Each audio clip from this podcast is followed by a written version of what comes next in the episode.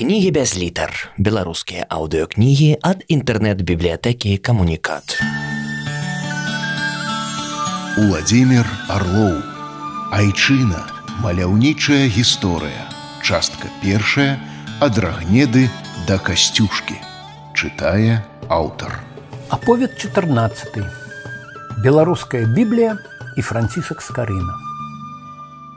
Будучы славуты сын нашага народа францішак Скарына нарадзіўся больш за 500 гадоў таму у полацку. Некалькі стагоддзяў гэты горад быў самым буйным і багатым у вялікім княстве літоўскім, значна перасягаючы сталічную вільню. У полацку здаўна жыло шмат майстроў і заможных купцоў, якія гандлявалі таварам у блізкіх і далёкіх краінах. Бацька малога францішка таксама быў купцом. Яго звалі Лукаш. Дом з карынаў стаяў недалёка ад сафійскага сабора, пабудавана князем усіславам чарадзеем. Зусім побач рэчка палата злівалася з двіною. Як і ўсе полацкія хлапчукі, францішак часта прыходзіў на бераг з вудамі, а ў летнюю спёку любіў дат нарца у чыстую рачную ваду. У горадзе было багата манастыровы церкваў, пры якіх існавалі школы. У адной з іх францішак навучыўся чытаць і пісаць, даведаўся пра слаўнае мінулае літвы беларусі. Хлопчык ганарыўся родным горадам і выдатнымі людзьмі, што жылі тут у розныя часіны. Настаўнікі былі вельмі задаволеныя здольным вучнем.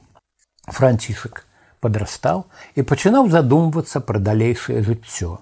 Ён часта ўспамінаў асветніцу і фрахінню. Хлопчык ужо разумеў, што магутнасць дзяржавы залежыць не толькі ад князёў ды іхняе войска, але і ад асветы яе жыхароў.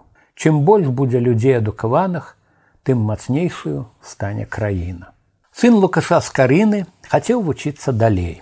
Ад бацькі ад настаўнікаў ён ведаў, што на захадзе у буйных еўрапейскіх гарадах ёсць найвышэйшыя школы, якія называюцца універсітэтамі.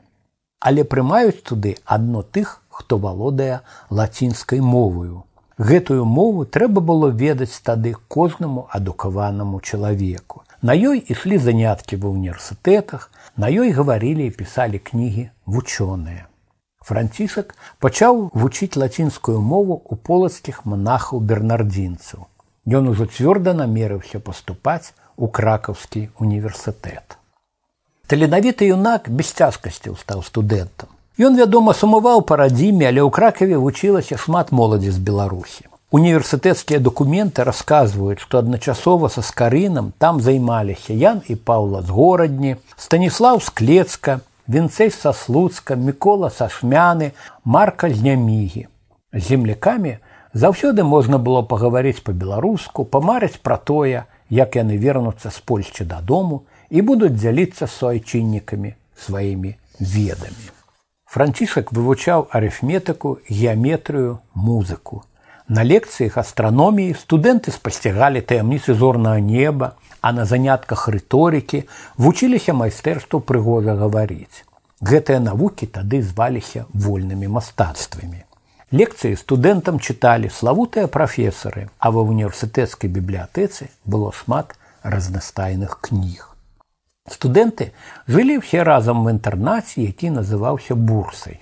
Яны сябравалі паміж сабой, заўсёды дзяліліся кнігамі і ежай. Жыццё было небагатае, але вясёлае. Праўда, знаходзіліся ў бурсе і такія, што сачылі за таварышамі і бегалі даносіць на іх універсітэцкаму начальству.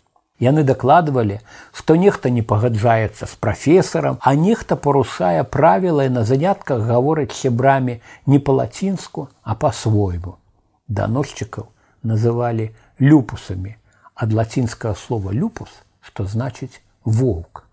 Люпусаў, зразумела, не любілі і часам каралі.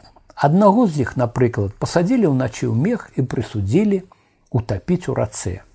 Гэта быў жарт. Даносчыка кінулі ў звычайную лужыну. Але ён так напалохаўся, што выбраўшыся з меха, падумаў, нібыта ўжо трапіў на той свет. Пасля вольных мастацтваў скарына вывучаў капенгагене, дзе быў сакратаром дацкага караля медычныя навукі. Тады адукаваных лекараў было вельмі мала. Калі пачыналася чума, халера ці іншая пошасць, паміралі часам сотні тысяч людзей. Францішак хацеў лячыць людскія душы мудрым кніжным словам, а целы надзейнымі лекамі. Ён вырашыў паехаць у італійскі горад падаю. Там знаходзіўся адзін з найстаражытнейшых і самы славутай у тагачаснай Европе універсітэт, вядомы сярод іншага і вучонымі медыкамі. Увосень далёка 1512 года у падуанскім саборы святого Урбана сышліся самыя знакамітыя дактары медыцыны. Старшыня сходу паведаміў, што ў горад прыбыў надзвычай вучоны малады чалавек, які просіць дазволу здаць экзамен па медыцыне. У Італіі амаль нічога не ведалі пра нашу краіну. Яе лічылі амаль казачнай зямлёю. У некаторых тагачасных кніжках Цалкам сур'ёзна сцвярджалася, нібыта па вуліцах беларускіх гарадоў гуляюць белыя мядзведзі, а людзі там маюць усяго па адным воку пасярод ілба. Як не дзіўна, вачэй у сына купца лукаша з полацка было двое, а па-лацінску ён гаварыў не горш за прафесараў падуанска універсітэта. Слугі прынеслі ў залу дзве вазы, чырвоную і зялёную, а таксама шары гэтых колераў. Вучоным трэба было галасаваць. Хто падаваў голас за тое, каб дазволіць скарыну здаць экзамен на званне доктара медыцыны, павінен быў пакласці шар у чырвоную вазу, а хто супраць у зялёную. Усе удзельнікі галасавання кінулі свае шары у чырвоную вазу. Праз колькі дзён скарына бліскуча здаў экзамен і першы сярод усходніх славянаў стаў доктарам медычных або, як тады казалі, лекарскіх навук. У тым часе ён ужо быў і доктарам вольных мастацтваў. Доктар медыцыны мог пайсці прыдворным лекарам да каго-небудзь салудароў і жыць пад ягонай абаронаю заможна і шчасліва. Але скарына думаў пра іншае. Так ён будзе змагацца з хваробамі, што нерэдка спусташаюць на бацькаўшчыне вёскі і цэлыя гарады. Аднак яго ўсё больш непакоіла духовное здароўе народа. На ўсходзе мацнела ваяўнічая маскоўская дзяржава, што прагнула захапіць беларускія землі. На захадзе была Польшча, якая таксама разлічвала пазбавіць нашых продкаў незалежнасці. Скарына разумеў, што наперадзе ў Беларусі цяжкія выпрабыванні. Каб умацаваць дух народа і ягоную веру ў свае сілы вучоны палачанін пастанавіў даць землякам шмат мудрых кніг на зразумелай кожнаму мове. У многіх еўрапейскіх гарадах ужо працавалі друкарні. Кнігі не трэба было перапісваць, іх хутка і прыгожа друкавалі на адмысловых друкарскіх варштатах, аздабляючы густоўнымі ілюстрацыямі гравюрамі. Францішак скарына пазнаёміўся з дасведчанымі друкарамі і ўзяўся старанна вывучаць іхнія майстэрства.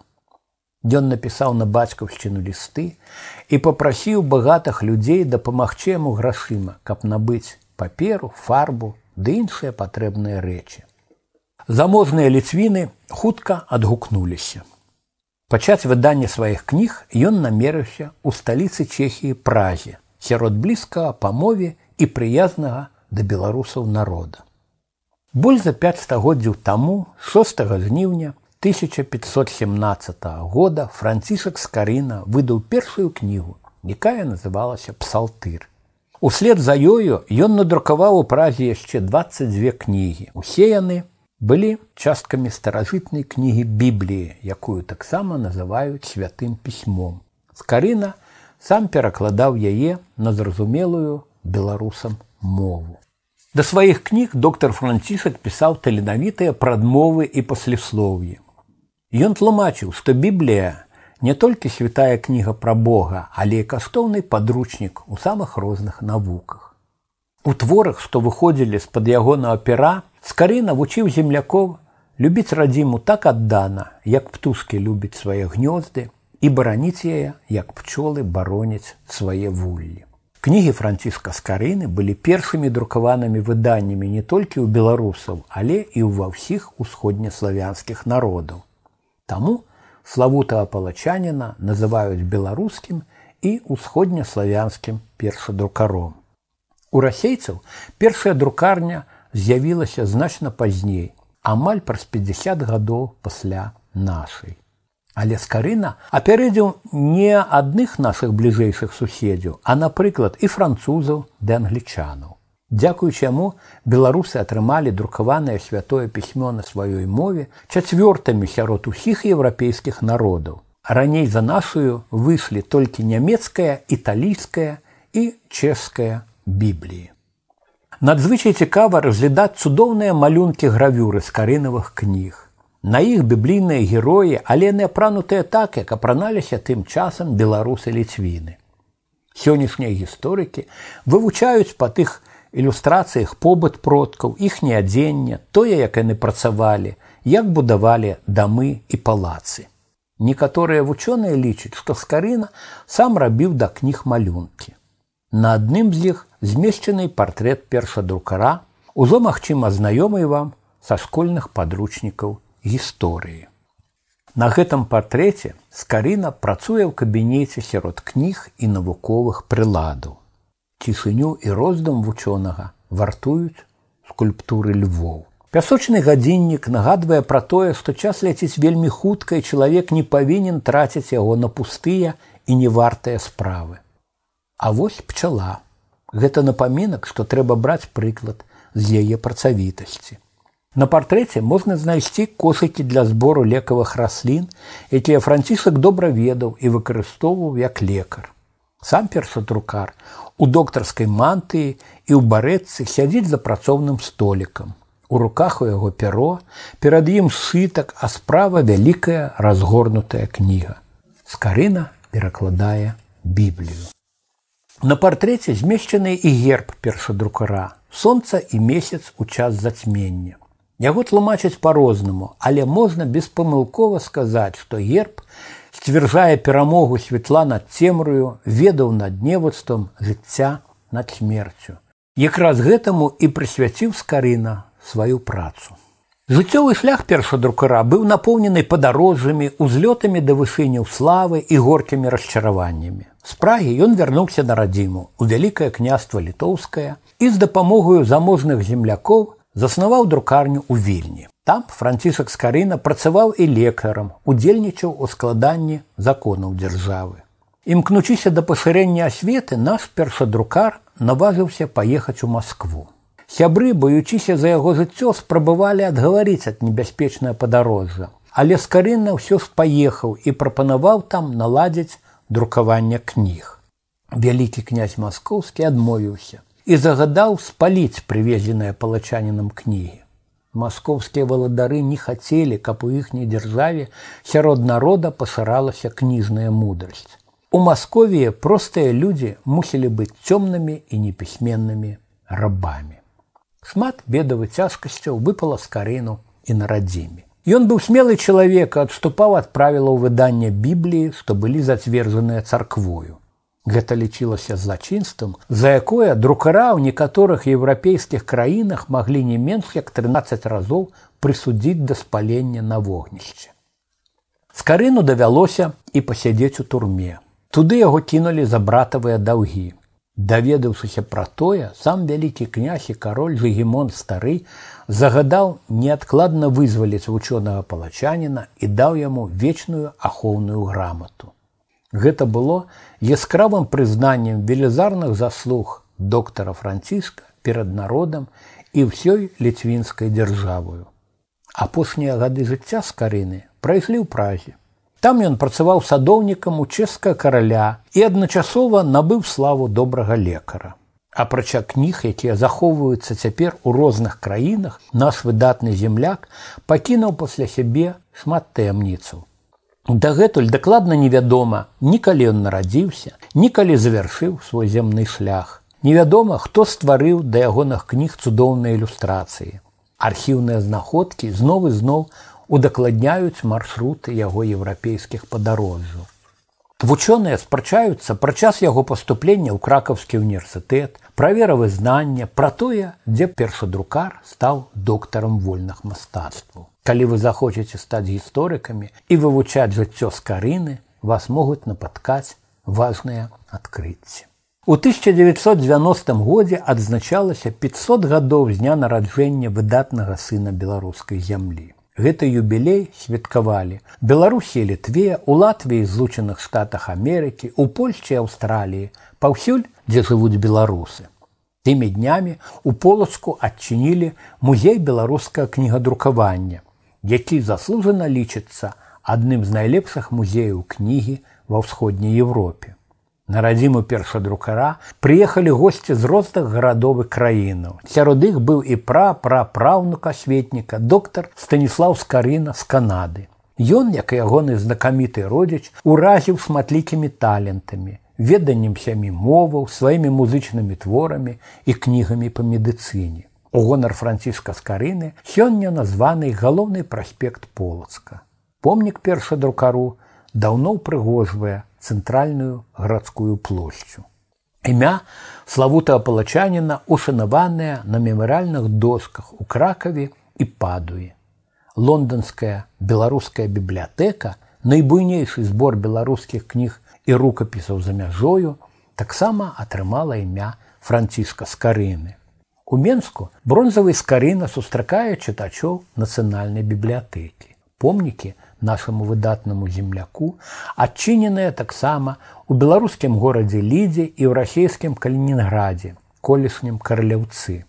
У бронзе скарына вярнуўся і ўздаўна гасцінную да беларусаў прагу, дзе 5 стагоддзяў таму, дзякуючы яму пабачылі свет першыя друкаваныя кнігі на нашай мове.